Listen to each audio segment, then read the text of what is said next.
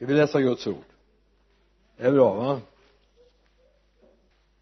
Vi ska gå till andra korinterbrevets femte kapitel. Vi börjar på vers 4 så läser vi fram till vers 8 andra korinterbrevets femte kapitel vers 4 till och med vers 8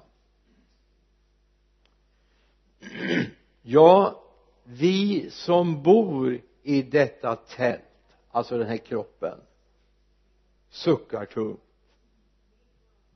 vi vill inte bli avklädda alltså åldras få krämpor och så vidare. Vi vill inte bli avklädda utan vi vill att bli överklädda.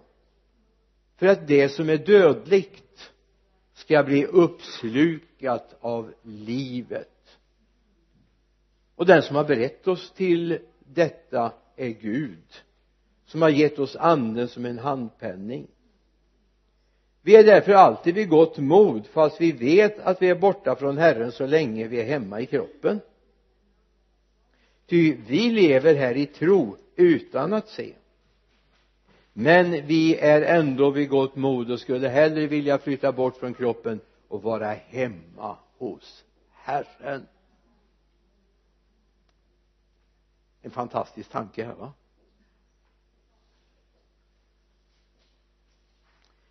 Vi är därför alltid vid gott mod står det i vers 6 fast vi vet om jag vänder på den här bibelsammanhanget lite grann och så säger fast vi vet att så länge vi är hemma i kroppen så är vi borta ifrån Herren.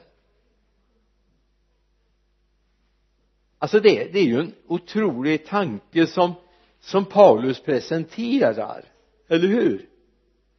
Vad är hemma och vad är borta? Alltså jag är borta när jag är i kroppen. Eller är jag hemma när jag är i kroppen. Är jag hemma när jag är här? Eller är jag borta när jag är här? Var hör jag egentligen hemma?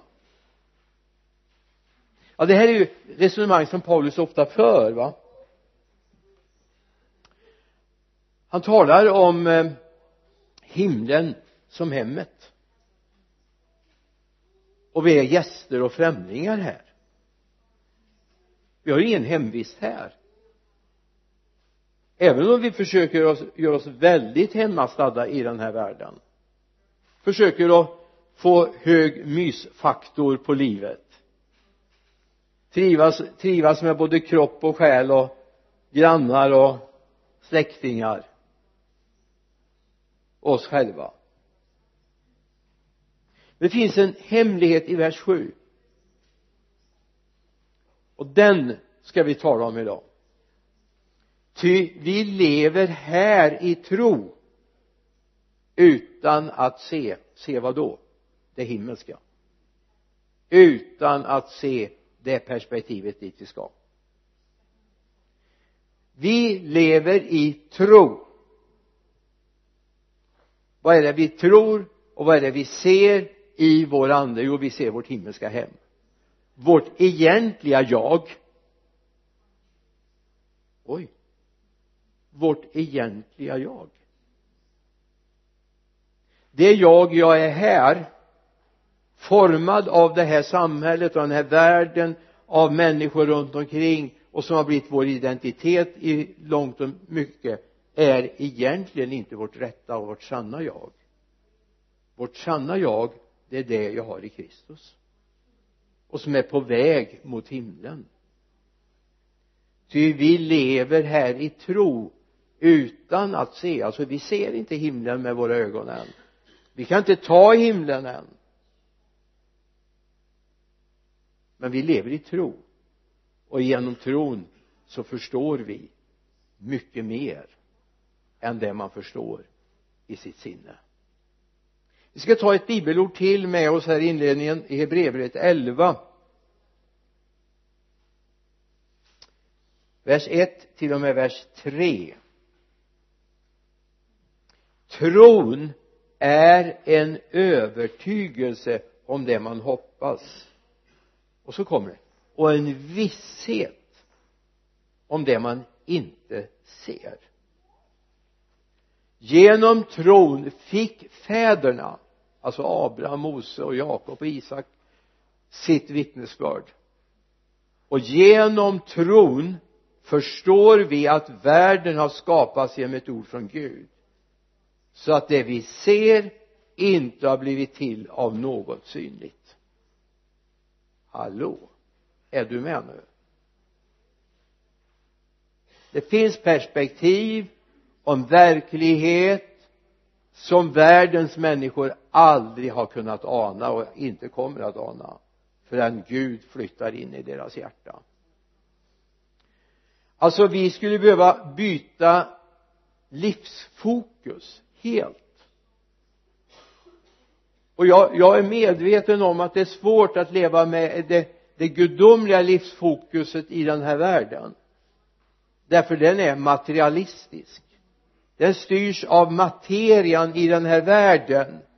Den måste kunna vägas, mätas, klockas för att den ska vara reell. Och sen har man börjat då till och med i kristna kretsar så har man börjat att ja det här man har vägt människor precis i dödsögonblicket och så har man sett att de har blivit ett halvt gram lättare och så har man sagt ja men det är nog ett tecken på att anden lämnade kroppen.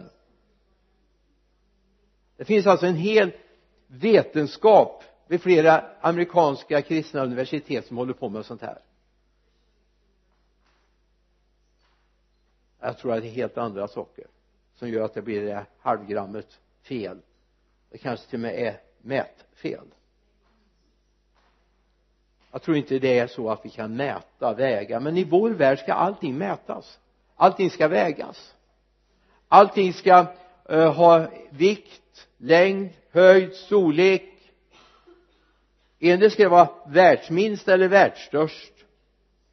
Men mätas ska det och så ska vi börja mäta hur mycket tro vi har också. Men det Gud rör sig på ett helt annat plan. Visst jag är medveten om att vi som människor med våra kroppar vi är faktiskt ställda under den gravitations, de gravitationslagar som finns. Jag blir inte lättare när jag blir frälst även om man skulle önska det ibland. Och man får inte mindre gråa hår för att man blir frälst. Man får inte det. Hur frälst man än är.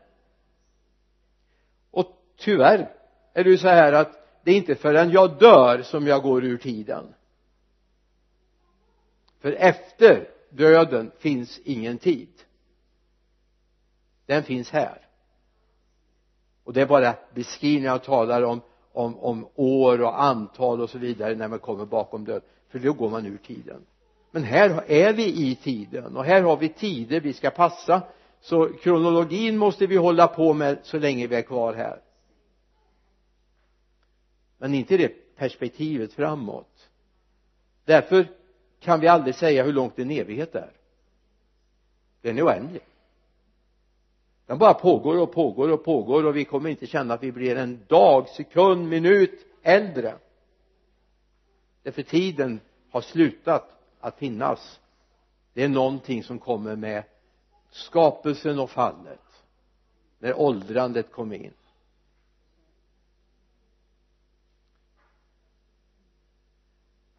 Men en dag när det går upp för oss när vi börjar upptäcka att vi ska leva i tro här utan att se utan att mäta. När vi börjar förstå att vi här i tiden redan hör himlen till och är en del av Guds oändliga värld. Och det är klart jag förstår den brottningskamp som Paulus beskriver. Ja men jag skulle ju inte vilja uppleva att kroppen eh, bryts ner.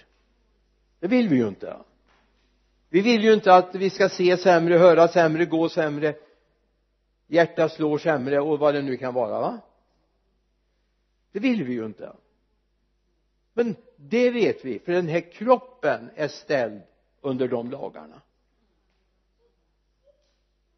Och bibeln är full av detta. Det är inte så att bara för att jag jag blir frälst det är ingen sån här ung, evig ungdomskälla att bli frälst det är bara sinnet och anden som är ständigt den, den förnyas varje dag. Ända till den dag jag träder fram inför honom på Sion. Så min kropp den är ställd under förgängelsen. Och jag förstår den här brottningskampen som man har att ja helst skulle jag ju inte vilja avklädas. Alltså min kropp ska inte bli sämre utan jag vill bara uppleva den där dagen när jag bara överkläds med det himmelska. Det himmelska, den nya skapelsen bara uppslukar och förintar min gamla människa. Jag blir, får bara en ny kropp.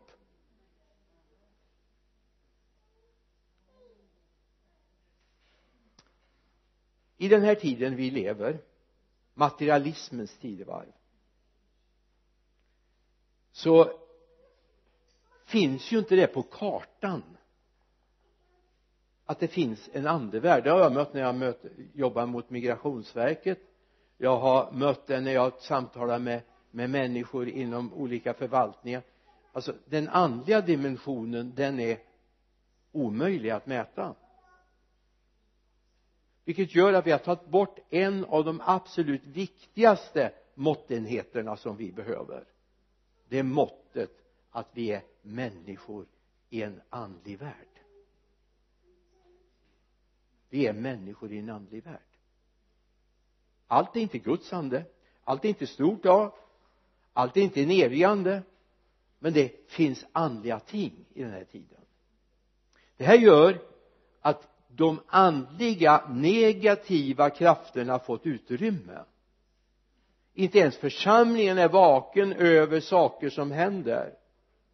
Det här med yoga, färganalys skyddande stenar, magnetarmband vandring på glödande kol och så vidare. Allt det här har andliga förtecken. Och en andlig människa den reagerar även om den inte kunskapsmässigt vet. En del så är det demoniska andar sånt som också det finns sånt som också har sina rötter i grekiska eller nordiska mytologier.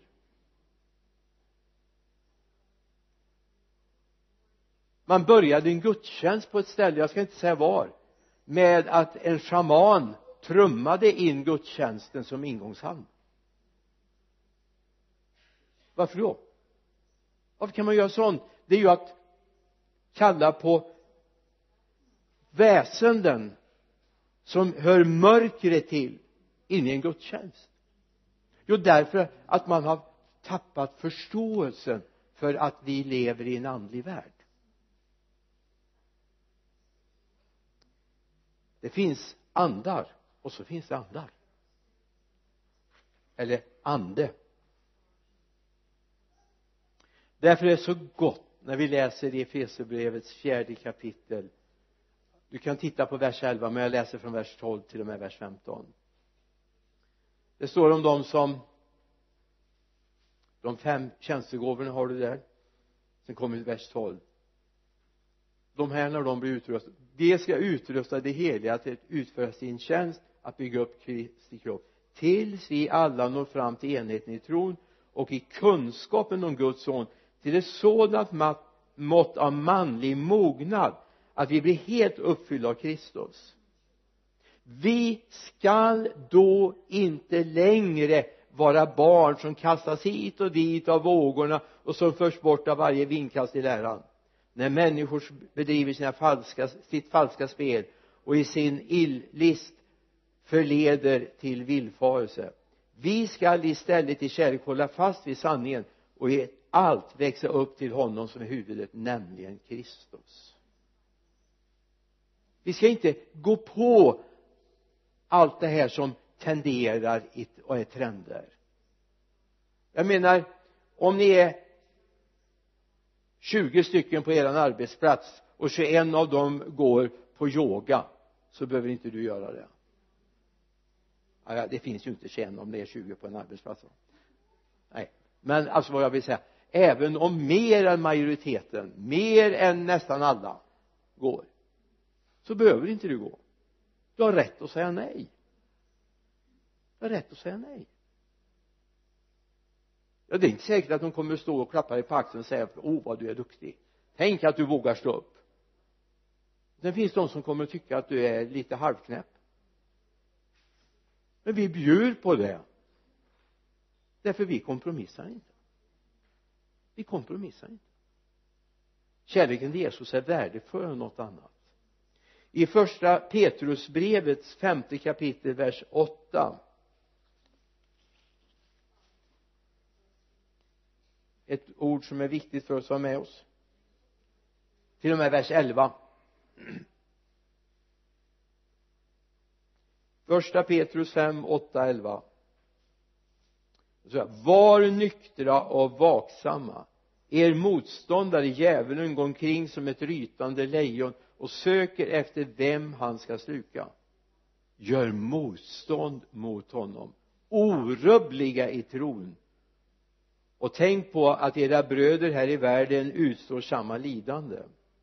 All nåds Gud som har kallat er till, sitt, e, till sin eviga härlighet i Kristus han ska upprätta, stödja, styrka och befästa er sådana ni en kort sedan ni en kort tid har lidit hans är makten i evighet, amen. Om vi står emot så kan han stödja oss, hjälpa oss och lyfta oss och bära oss.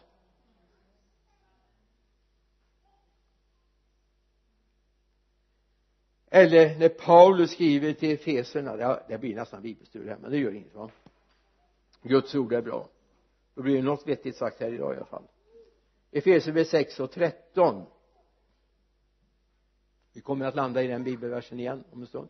Ta därför på hela Guds vapenrustning så att ni kan stå emot på den onda dagen behålla fältet sedan ni har fullgjort allt. Alltså stå fasta.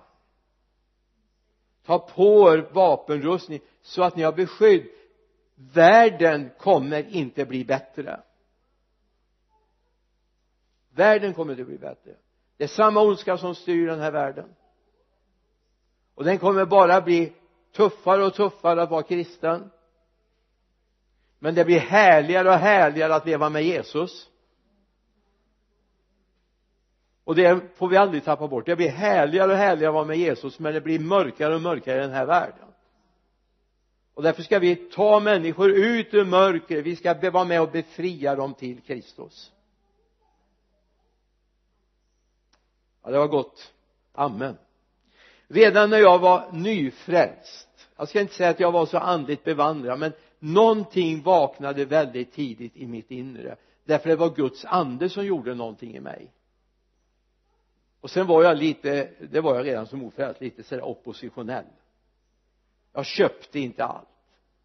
När man drog in allt möjligt dravel i skolan och vi skulle lyssna på musik som var av avgrunden redan då höll man på med sånt så vägrade jag.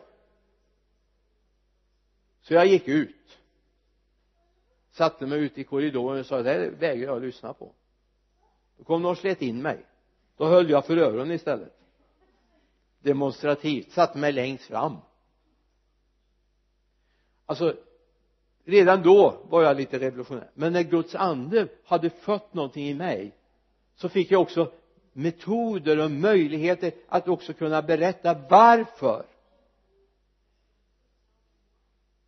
Och då står det så här i Hebreerbrevet 5 och 14 det blev en tröst för mig när jag upptäckte det bibelordet. Alltså ibland kan man agera fast man inte har bibelordet klar för sig. Någonting av Guds ord finns där.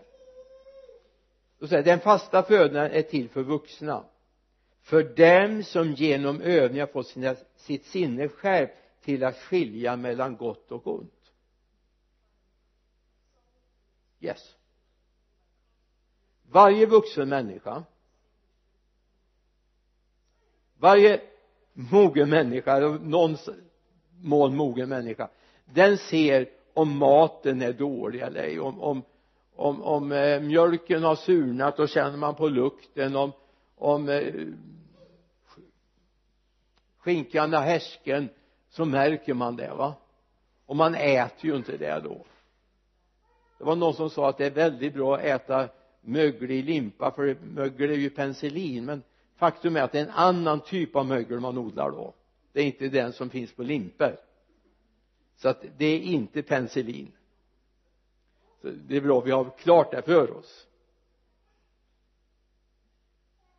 Men vi ska ha vårt sinne övat genom Guds andes försorg så att vi kan skilja mellan det som är gott och ont det som bygger upp och det som bryter ner.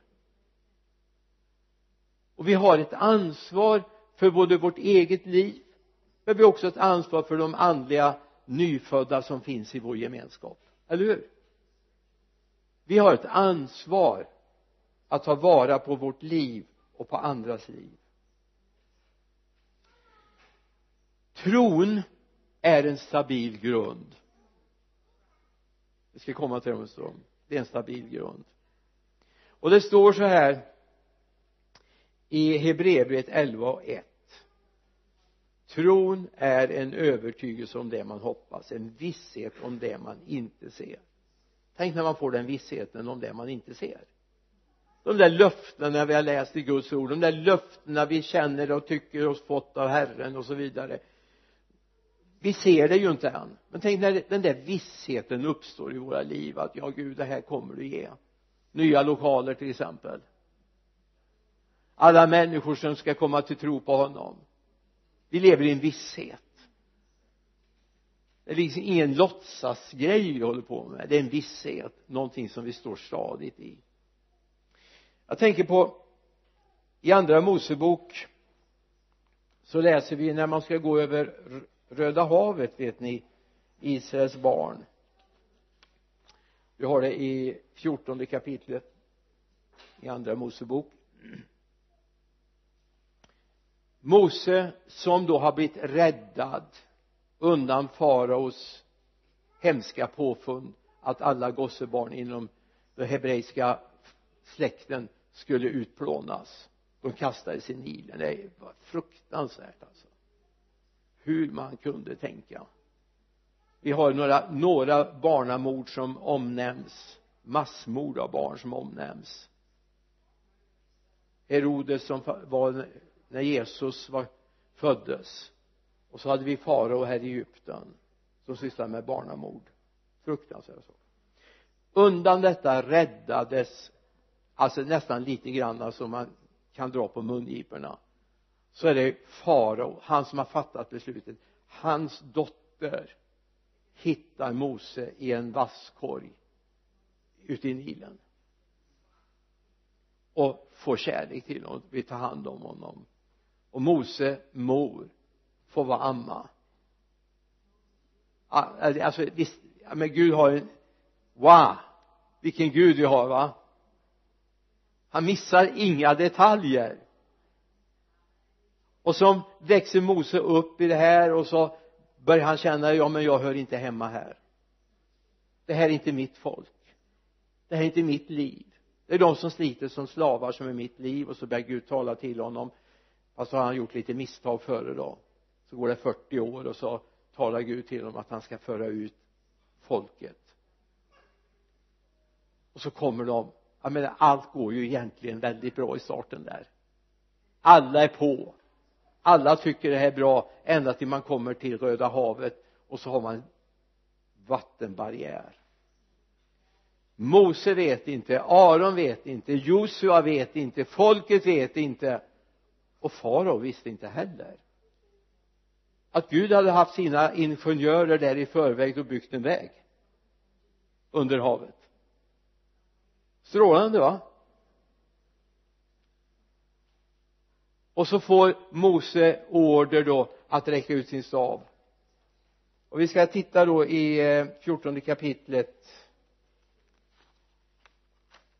vers 16 där säger Gud till Mose lyft din stav och räck ut handen över havet och klyv det så att Israels barn kan gå mitt igenom havet på torr mark. Och då sägs att det var ganska djupt där. Till och med mycket djupt. Alltså hade någon gjort någon nedfart så man kunde komma ner? Man hade ju lite attiraljer och så vidare man skulle ha med sig va? Och så skulle man upp på andra sidan. Någon hade gjort det. Gud fixade det. Alltså när vi vågar handla i tro så kommer vi upptäcka men yes det är ju klart. Vad var det jag bävade för egentligen? Det handlar om att byta perspektiv från materialism till trons värld. Från det jag ser till det jag fått en visshet om trots jag inte ser.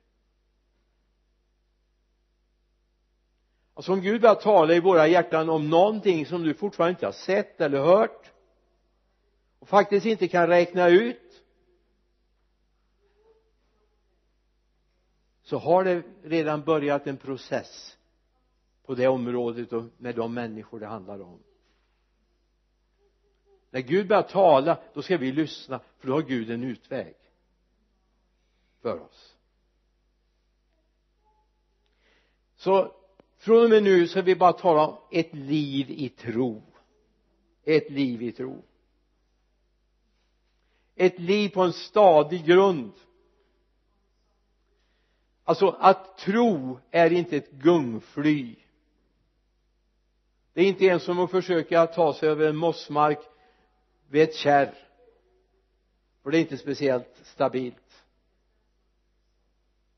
utan det är stadig mark det är till och med berg som det vilar på. Jag vet inte om du har hört det här uttrycket kanske inte så vanligt nu men det hände ibland när jag var på, äh, ute som elektriker på på byggen.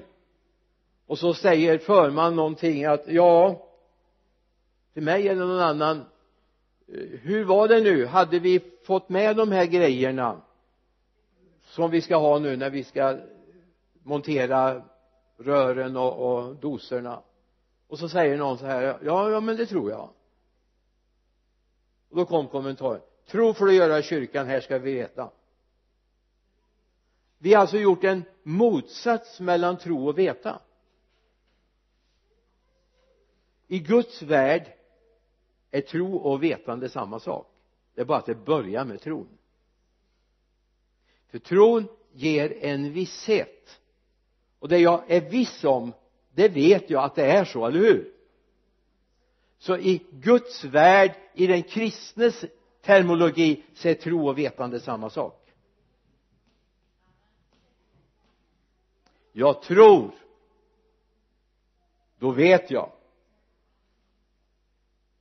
I ordspråksboken 9 så beskriver Gud någonting för oss genom ordspråksbokens författare. Ordspråksboken 9, 10, 12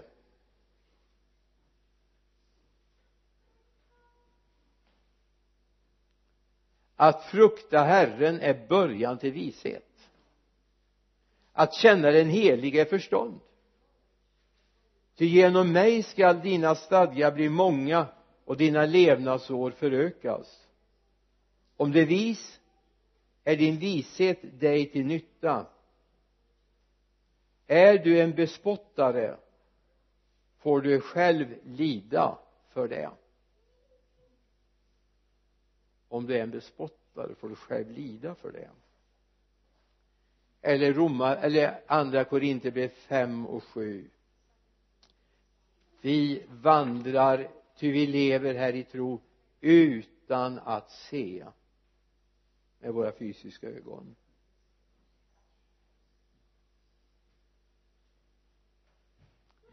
Alltså tron är stadig grund. Det är inte en hoppaslek vi håller på med utan en visshet om att det Gud har sagt så blir det. Så det Gud har sagt så blir det. När du läser Hebreerbrevets elfte kapitel vers 1 förlåt att jag tjatar om men jag tycker det är en väldigt bra vers alltså. Jag tycker om den. Så står jag, tron är en övertygelse. Jag vet inte vad du har för någon bild av ordet övertygelse. Alltså man kan ju faktiskt bli övertygad om någonting som inte är sant, eller hur? Om, om eh, någon är väldigt påstridig eller väldigt duktig att manipulera så kan man till och med få någon att tro och få en övertygelse om någonting som inte är sant men det är inte där vi är nu för det är inte det ordet som används. I svenska språket har vi inget bra ord för det här. Det är som en övertygelse. Hypostasis står det i eh, den hebreiska texten. Hypostasis. Grund eller solid grund. Och tittar du i King James översättning ska du se att det, där står det ordet grund alltså en stabil etablerad grund. Tron är en stabil grund. En bottenplatta som jag kan lita på det är klippan för mitt liv som jag lever på.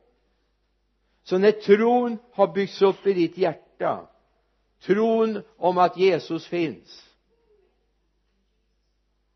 då kommer du kunna ställa ditt liv på det. Och så får det blåsa åt vilket håll som helst. Det får bli vilken hagelstorm som helst men det kommer stå stadigt därför tron är en stabil grund.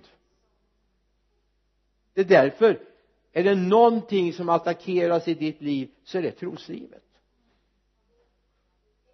Är det någonting som som eh, djävulen försöker komma åt det är din trosgrund. För han vet att när du står stadigt på trosgrunden kommer han aldrig kunna komma åt dig med någon frestelse, med någon prövning. För du kommer bara känna att jag lever stabilt. Jag vilar i trons grund. Tron är den fasta övertygelsen. Trons fundament är Jesus. Alltså tron övertygelse hypostas. Det är Jesus.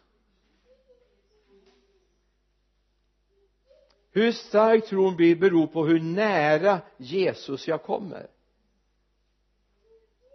Det är därför Hebreerbrevets författare skriver i 12 och 2 och låt oss ha blicken fäst vid Jesus trons upphovsman och fullkomnare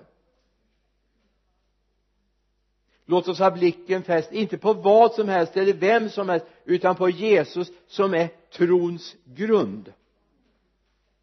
Till och med upphov. Så när Jesus blir stor i ditt liv så kommer tron bli stor. Du kan aldrig få en tro som är stabil utan att du har en nära relation med Jesus. Det är bara de som känner Jesus som kommer få en tro som växer de andra har en fluktuerande tro. Är jag i ett, ett härligt möte när det är eh, Guds ande är utgjuten då tror jag mycket. Men så står jag på jobbet med hundra arbetskamrater som svär och förbannar och talar illa om kyrkan och, och kristna. Då är det risken att tron liksom lite grann sjunker. Men har jag Jesus så är jag aldrig ensam även om jag är ensam mänskligt sett så är jag inte ensam. Lyssna. Om du har en sån där, ja, ta en dammsugare till exempel. Och så råkar inte sladden räcka ända till vägguttaget så räcker det ju inte att du bara är nästan framme vid vägguttaget. Den funkar inte. Du måste koppla in den i vägguttaget, eller hur? Det räcker inte att du är nära Jesus. Du måste vara kopplad till Jesus. Och då kan du aldrig vara längre bort än att den kopplingen håller. Det räcker inte att vara nära Jesus. Du ska vara i Jesus. Och han ska vara i dig. Då kommer tron att växa i ditt liv. Och låt oss ha blicken fäst vid Jesus trons upphovsman och fullkomnare han är upphovet. Han kan förstå uttrycket nu då? Han kan ta patent på det för han har skapat tron. Och då pratar vi inte om det här att ja, jag tror att bussen kommer 15.31 eller det kanske var 14.00 jag skulle vara jag, jag, ja men det tror jag. Det är något helt annat vi talar om. Det det är inget kanske. Tron är någonting solitt som håller även när det blåser mot. Då kan vi förstå vad Paulus talar om i Efesierbrevet 6 ska jag läsa från vers 11 nu då? Där står det att ta på er hela Guds vapenrustning så att ni kan stå emot djävulens listiga angrepp. Ty vi strider inte mot kött och blod mot förstar och väldigheter och världshärskare här i mörkret utan mot ondskans andemakter i himlarna. Ta därför på er hela Guds vapenrustning så att ni kan stå emot på den onda dagen och behålla fältet sedan ni fullgjort allt. Och så kliver vi in i vers 16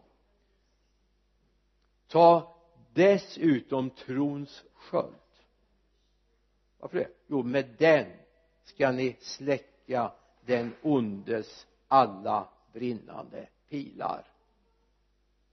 Är det någon som någon gång har känt att det har skickats brinnande pilar mot ditt liv? Förmodligen. Otro. Missmod. Tveksamhet har Gud verkligen hört mig? Jag fick ju inte det jag bad om. Så biter det sig in. Det här jag behöver tron. Jag vet inte om jag jo men eh, vi läser psalm 16 först. 8, 9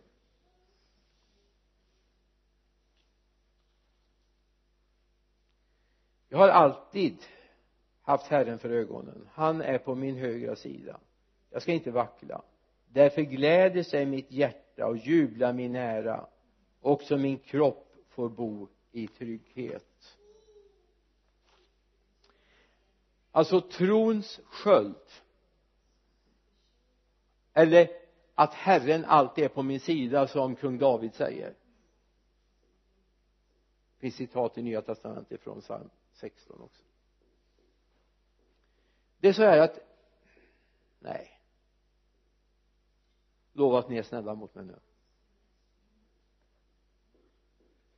Vi behöver trons sköld naturligtvis mot yttre faror. Visst. Mot det vi möter på jobbet, i vardagen, det vi läser på nyhetssajterna det vi ser på löpsedlar och så vidare va? Till och med de kristna tidningarna kan föra in en och annan otrostanke i ens hjärta va? Det behöver vi ett skydd emot. Vi ska komma ihåg att djävulen han är väldigt listig och han vet precis vilka nyheter som ska kablas ut för att slå undan fötterna på dem som vill stå stadigt i tron. Håll med det perspektivet när du läser nyheter nästa gång.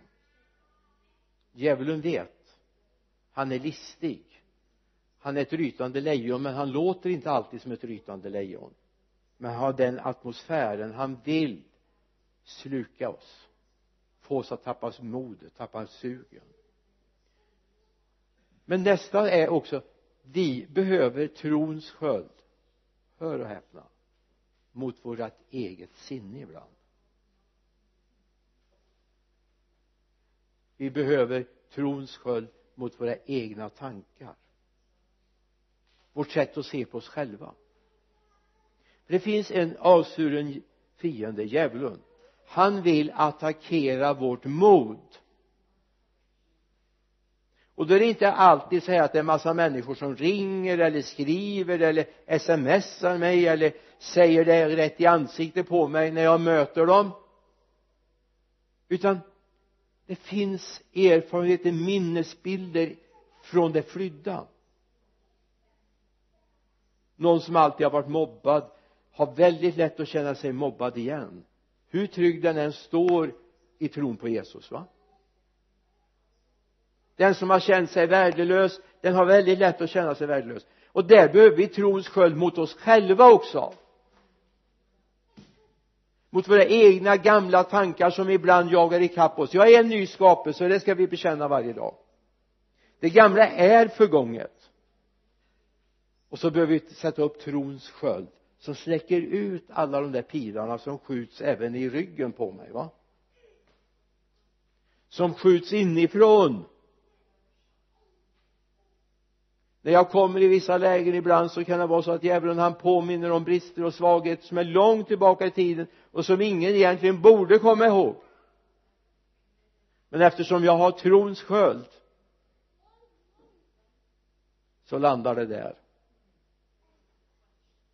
det skadar mig inte. Mitt gamla liv skadar mig inte. Därför Gud har gett mig en trons sköld som utsläcker och trons sköld har jag fått därför att jag vill vara nära Jesus. Vill jag vara på distans från Jesus så kommer jag inte ha trons sköld. Och så är jag helt plötsligt i villebråd för både mina egna tankar och det jag möter utifrån. Och det är därför jag brukar säga att så börja inte dagen utan att ha umgås med Jesus även om du skulle komma för sent till jobbet. Det är livsfarligt. Och i den tid vi lever nu när djävulen håller på att vrida upp attackerna mot de kristna. Han älskar inte det som händer just nu. Så det är viktigt att vi har beskyddet. Jag menar du bör åtminstone kunna säga god morgon Jesus det hinner du göra medan du borstar tänderna. Och bibeln läser du strax innan när du äter frukost. Om du nu äter det.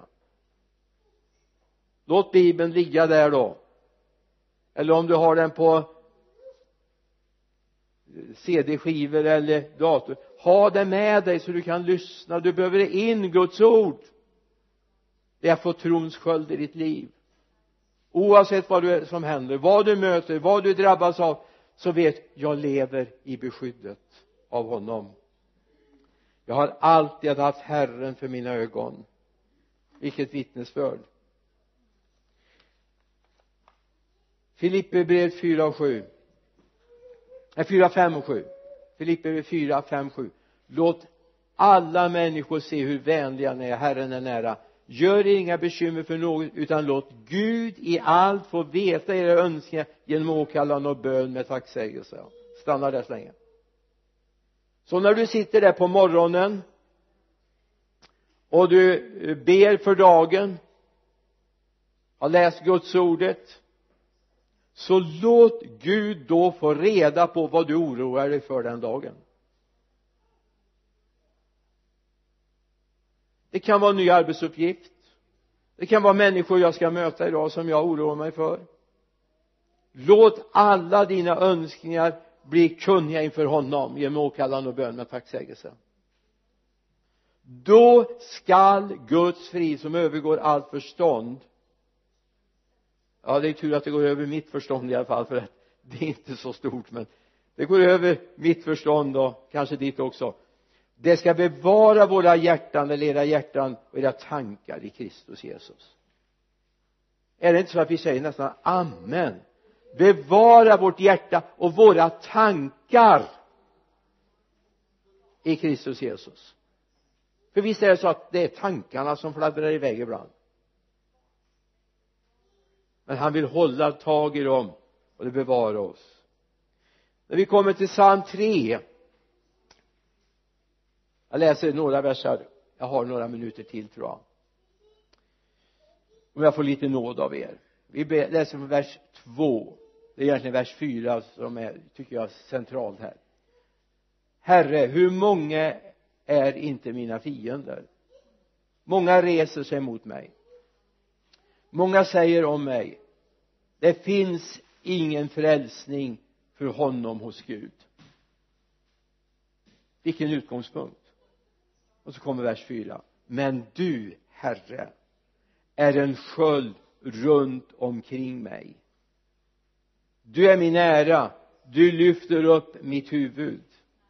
Jag ropar högt till Herren och han svarar mig från sitt heliga berg. Och nu är jag otroligt tacksam att vi läser folkbibeln.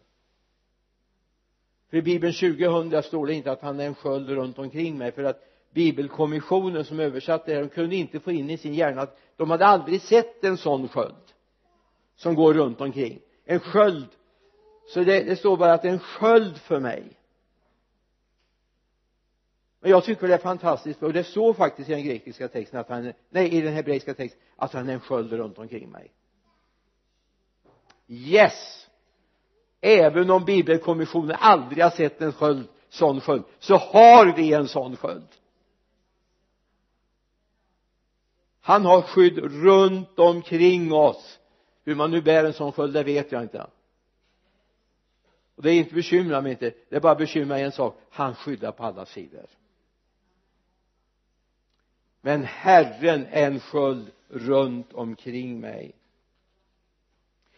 När tron fyller mitt hjärta då befrias jag från missmod och rädsla. Hur är det? Är det inte en och annan som ibland drabbas av missmod av rädsla? I första Johannesbrevets 4 17 till 18 kan jag bara notera jag hinner inte läsa det. Så står det att rädslan finns inte i kärleken. Så när vi lever i kärleken från honom så är vi inte rädda. Vi kan gå med högt buret huvud. För eh, rädsla hör samman med straff står det. Och den som är rädd är inte fullkomnad i kärlek. Men vi är fullkomna i kärlek, eller hur? Amen. I andra Timotebrevets första kapitel vers 7 ty den ande som Gud har gett oss gör oss inte modlösa utan i kraften, kärleken och självbehärskningens ande. Halleluja. Och till sist. Vi ska leva ett liv. Vi ska vandra i tro. Vi ska leva här i tro. Jag tänker på Abraham. Jag tänker på Mose. Jag bara tar några exempel. Vi har dem i Hebreerbrevet 11 eller Romarbrevet 4 tänk Abraham som fick löfte om att få en son. Och mänskligt sett var det totalt omöjligt. Totalt omöjligt. Totalt omöjligt. Det är inte så vanligt att hundraåringar blir blir gravida och får barn. Eller 90-åring var hon Sara. Det är inte så vanligt. Men det blev, hon blev det. Därför Gud var där och ur den säden föddes Jesus och ur den säden är vi födda. Det var en väldigt snabb lektion det här men. Amen. Men vi ska leva i tro. Det gjorde trons hjältar. Och nu är det tid för oss att göra det. Det finns en dimension till. Vi behöver inte leva i den materialistiska världen vi behöver inte leva i den värld som alla andra människor lever i. Vi har en annan dimension för vårt liv. Och samtidigt skulle jag vilja att det här får bli en uppmuntran för dig som lever där och kanske har outlösta bönesvaren. Jag skulle vilja att du går närmare Jesus för då kommer tron bli en visshet. Fast du inte ser det vi behöver det när det gäller nya lokaler så behöver vi den vissheten. Jag skulle önska att alla som är med och går nu imorgon kväll lever i den vissheten. Yes du har lovat det här. Sen får Vänersborgs kommun och Vänersborgsbostäder besluta vad de vill. Men Gud har sagt och han är faktiskt överordnad dem. Han är det. Och jag har bara en bön i mitt hjärta. Det är att Gud ska börja visa sig för dem. Och tala om det det är jag faktiskt som är överordnad. Och så ska man böja sig för det. Vad har Gud sagt till dig? Har du frågat? Det Gud har sagt det är fullt möjligt för honom att verkställa. Fullt möjligt för honom att verkställa. Du har en sak inte jaga bönesvaret du har att hålla dig nära Jesus. Amen. Jesus jag tackar dig för att du låter det här få landa i våra hjärtan. Att vi börjar gå en trons vandring tillsammans med dig varje dag. Herre låt oss aldrig missa någon dag. Låt oss aldrig leva på distans från dig Jesus. Herre jag bara tackar dig för att du ska låta oss få uppleva Herre att vi får gå från klarhet till klarhet ända till den dag vi träder fram inför dig på Sion. Lovat vare ditt namn. Amen. Amen.